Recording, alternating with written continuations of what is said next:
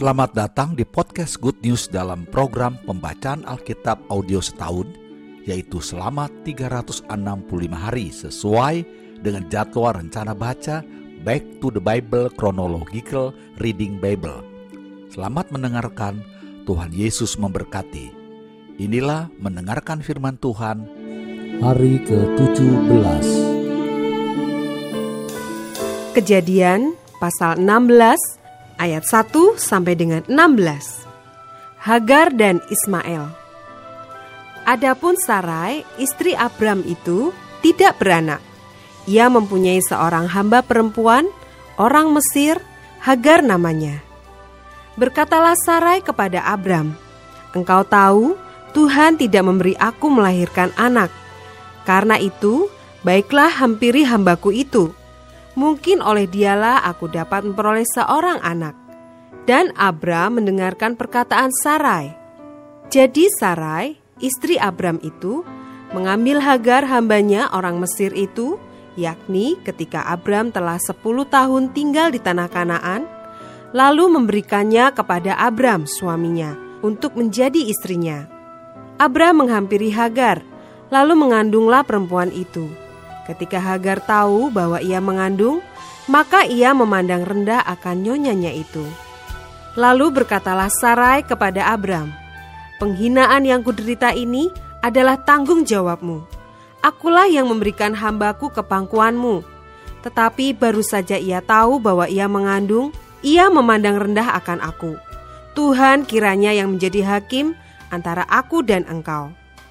Kata Abram kepada Sarai, hambamu itu di bawah kekuasaanmu. Perbuatlah kepadanya apa yang kau pandang baik. Lalu Sarai menindas Hagar, sehingga ia lari meninggalkannya.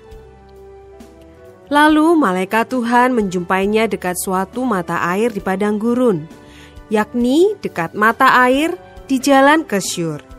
Katanya, Hagar, hamba Sarai, dari manakah datangmu dan ke manakah pergimu? Jawabnya, Aku lari meninggalkan sarai nyonyaku. Lalu kata malaikat Tuhan itu kepadanya, Kembalilah kepada nyonyamu, biarkanlah engkau ditindas di bawah kekuasaannya. Lagi kata malaikat Tuhan itu kepadanya, Aku akan membuat sangat banyak keturunanmu, sehingga tidak dapat dihitung karena banyaknya. Selanjutnya kata malaikat Tuhan itu kepadanya, Engkau mengandung dan akan melahirkan seorang anak laki-laki, dan akan menamainya Ismail. Sebab Tuhan telah mendengar tentang penindasan atasmu itu. Seorang laki-laki yang lakunya seperti keledai liar, demikianlah nanti anak itu. Tangannya akan melawan tiap-tiap orang, dan tangan tiap-tiap orang akan melawan dia. Dan di tempat kediamannya, ia akan menentang semua saudaranya. Kemudian Hagar menamakan Tuhan yang telah berfirman kepadanya itu dengan sebutan Engkaulah Elroy.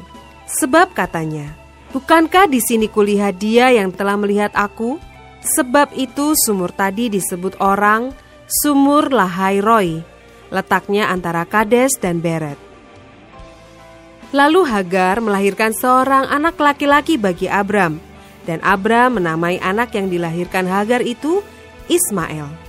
Abram berumur 86 tahun ketika Hagar melahirkan Ismail baginya. Kejadian pasal 17 ayat 1 sampai dengan 27. Sunat sebagai tanda perjanjian Allah dengan Abraham. Ketika Abram berumur 99 tahun, maka Tuhan menampakkan diri kepada Abram dan berfirman kepadanya, Akulah Allah yang Maha Kuasa. Hiduplah di hadapanku dengan tidak bercela. Aku akan mengadakan perjanjian antara aku dan engkau, dan aku akan membuat engkau sangat banyak. Lalu sujudlah Abram, dan Allah berfirman kepadanya, Dari pihakku, inilah perjanjianku dengan engkau. Engkau akan menjadi bapa sejumlah besar bangsa. Karena itu, namamu bukan lagi Abram, melainkan Abraham karena engkau telah kutetapkan menjadi bapa sejumlah besar bangsa.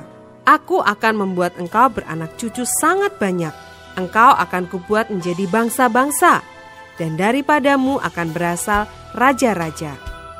Aku akan mengadakan perjanjian antara aku dan engkau, serta keturunanmu turun-temurun, menjadi perjanjian yang kekal, supaya aku menjadi Allahmu dan Allah keturunanmu. Kepadamu dan kepada keturunanmu akan kuberikan negeri ini, yang kau diami sebagai orang asing, yakni seluruh tanah Kanaan, akan kuberikan menjadi milikmu untuk selama-lamanya, dan aku akan menjadi Allah mereka. Lagi firman Allah kepada Abraham, "Dari pihakmu engkau harus memegang perjanjianku, engkau dan keturunanmu turun-temurun. Inilah perjanjianku yang harus kamu pegang, perjanjian antara aku dan kamu serta keturunanmu, yaitu setiap laki-laki di antara kamu harus disunat, haruslah dikerat kulit katanmu, dan itulah akan menjadi tanda perjanjian antara aku dan kamu."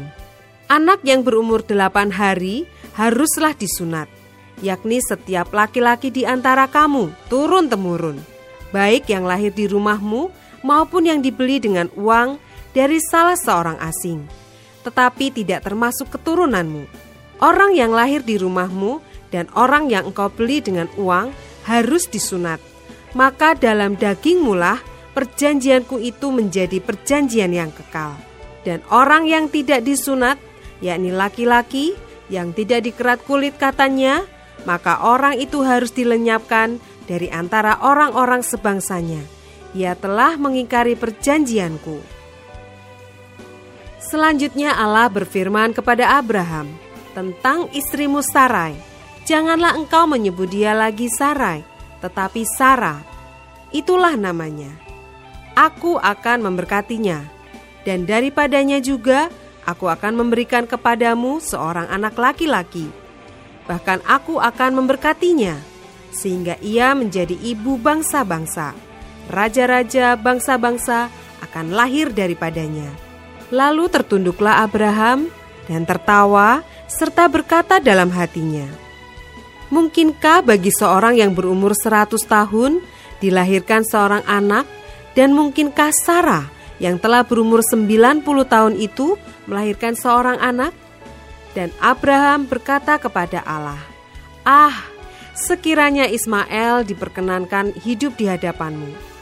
Tetapi Allah berfirman, "Tidak, melainkan istrimu Saralah yang akan melahirkan anak laki-laki bagimu, dan engkau akan menamai dia Ishak, dan aku akan mengadakan perjanjianku dengan dia menjadi perjanjian yang kekal untuk keturunannya."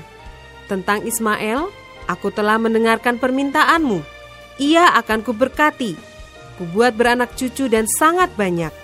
Ia akan memperanakan dua belas raja, dan aku akan membuatnya menjadi bangsa yang besar. Tetapi perjanjianku akan kuadakan dengan Ishak, yang akan dilahirkan Sarah bagimu tahun yang akan datang pada waktu seperti ini juga. Setelah selesai berfirman kepada Abraham, naiklah Allah meninggalkan Abraham setelah itu Abraham memanggil Ismail anaknya dan semua orang yang lahir di rumahnya. Juga semua orang yang dibelinya dengan uang, yakni setiap laki-laki dari isi rumahnya. Lalu ia mengerat kulit katan mereka pada hari itu juga, seperti yang telah difirmankan Allah kepadanya. Abraham berumur 99 tahun ketika dikerat kulit katanya, dan Ismail anaknya berumur 13 tahun ketika dikerat kulit katanya. Pada hari itu juga Abraham dan Ismail anaknya disunat dan semua orang dari isi rumah Abraham, baik yang lahir di rumahnya maupun yang dibeli dengan uang dari orang asing, disunat bersama-sama dengan dia. Kejadian pasal 18 ayat 1 sampai dengan 15. Allah mengulangi menjanjikan seorang anak laki-laki kepada Abraham. Kemudian Tuhan menampakkan diri kepada Abraham dekat pohon terbantin di Mamre.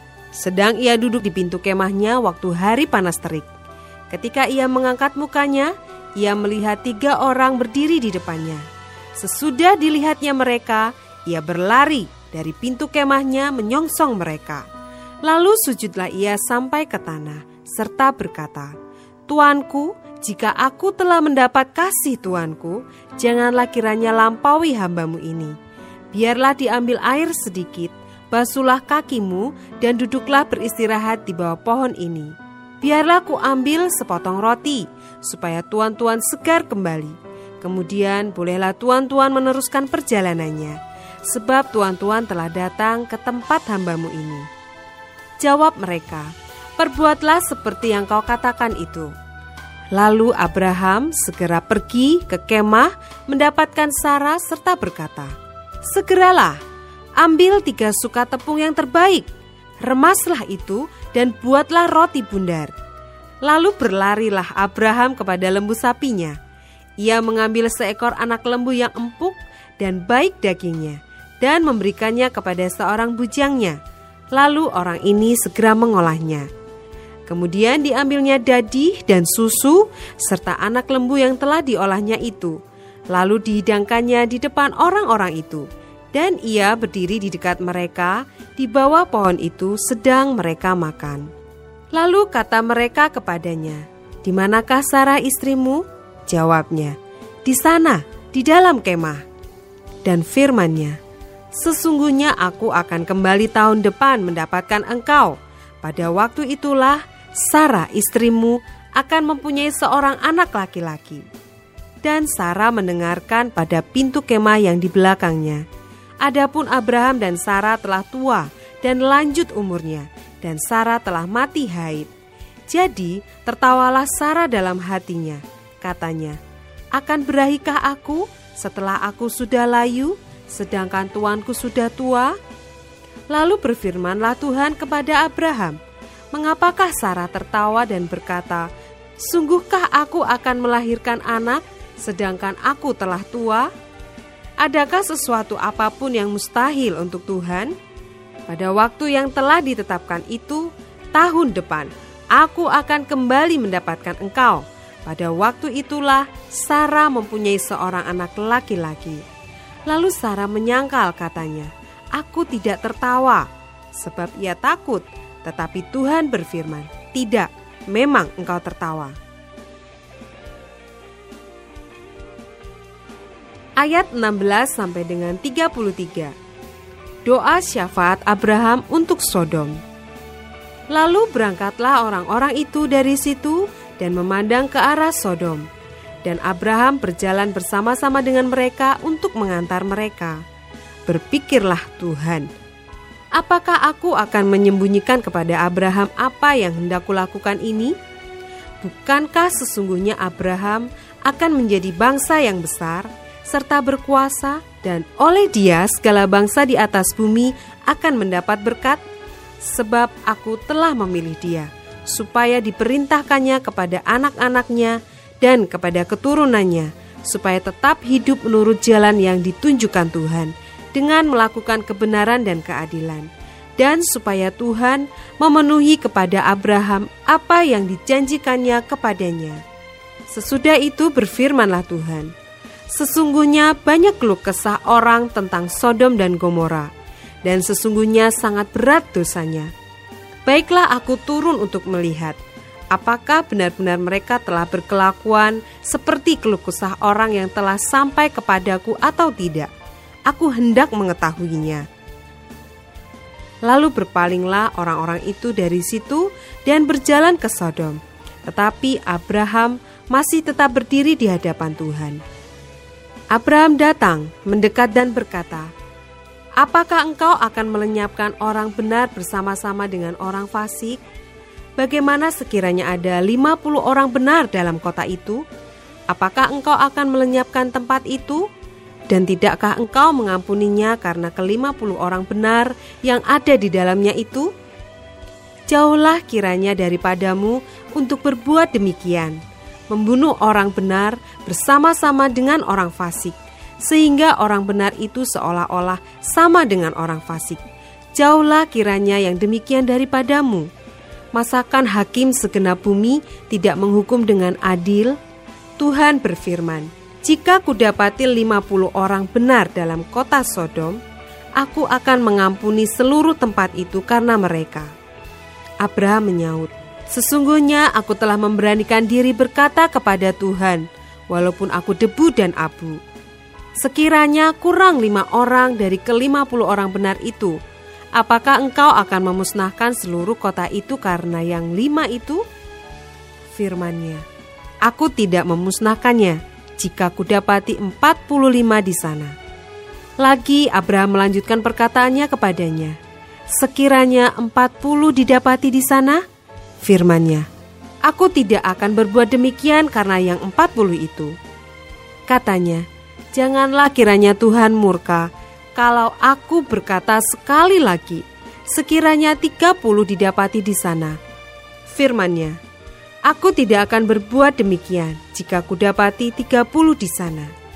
Katanya, Sesungguhnya aku telah memberanikan diri berkata kepada Tuhan, Sekiranya dua puluh didapati di sana, firmannya, Aku tidak akan memusnahkan karena yang dua puluh itu. Katanya, Janganlah kiranya Tuhan murka kalau aku berkata lagi sekali ini saja.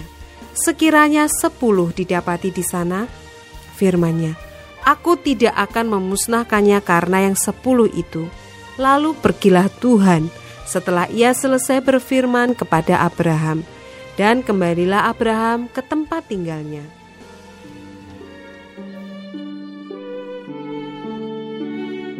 Selamat saudara sudah mendengarkan firman Tuhan hari ini. Sampai jumpa esok hari.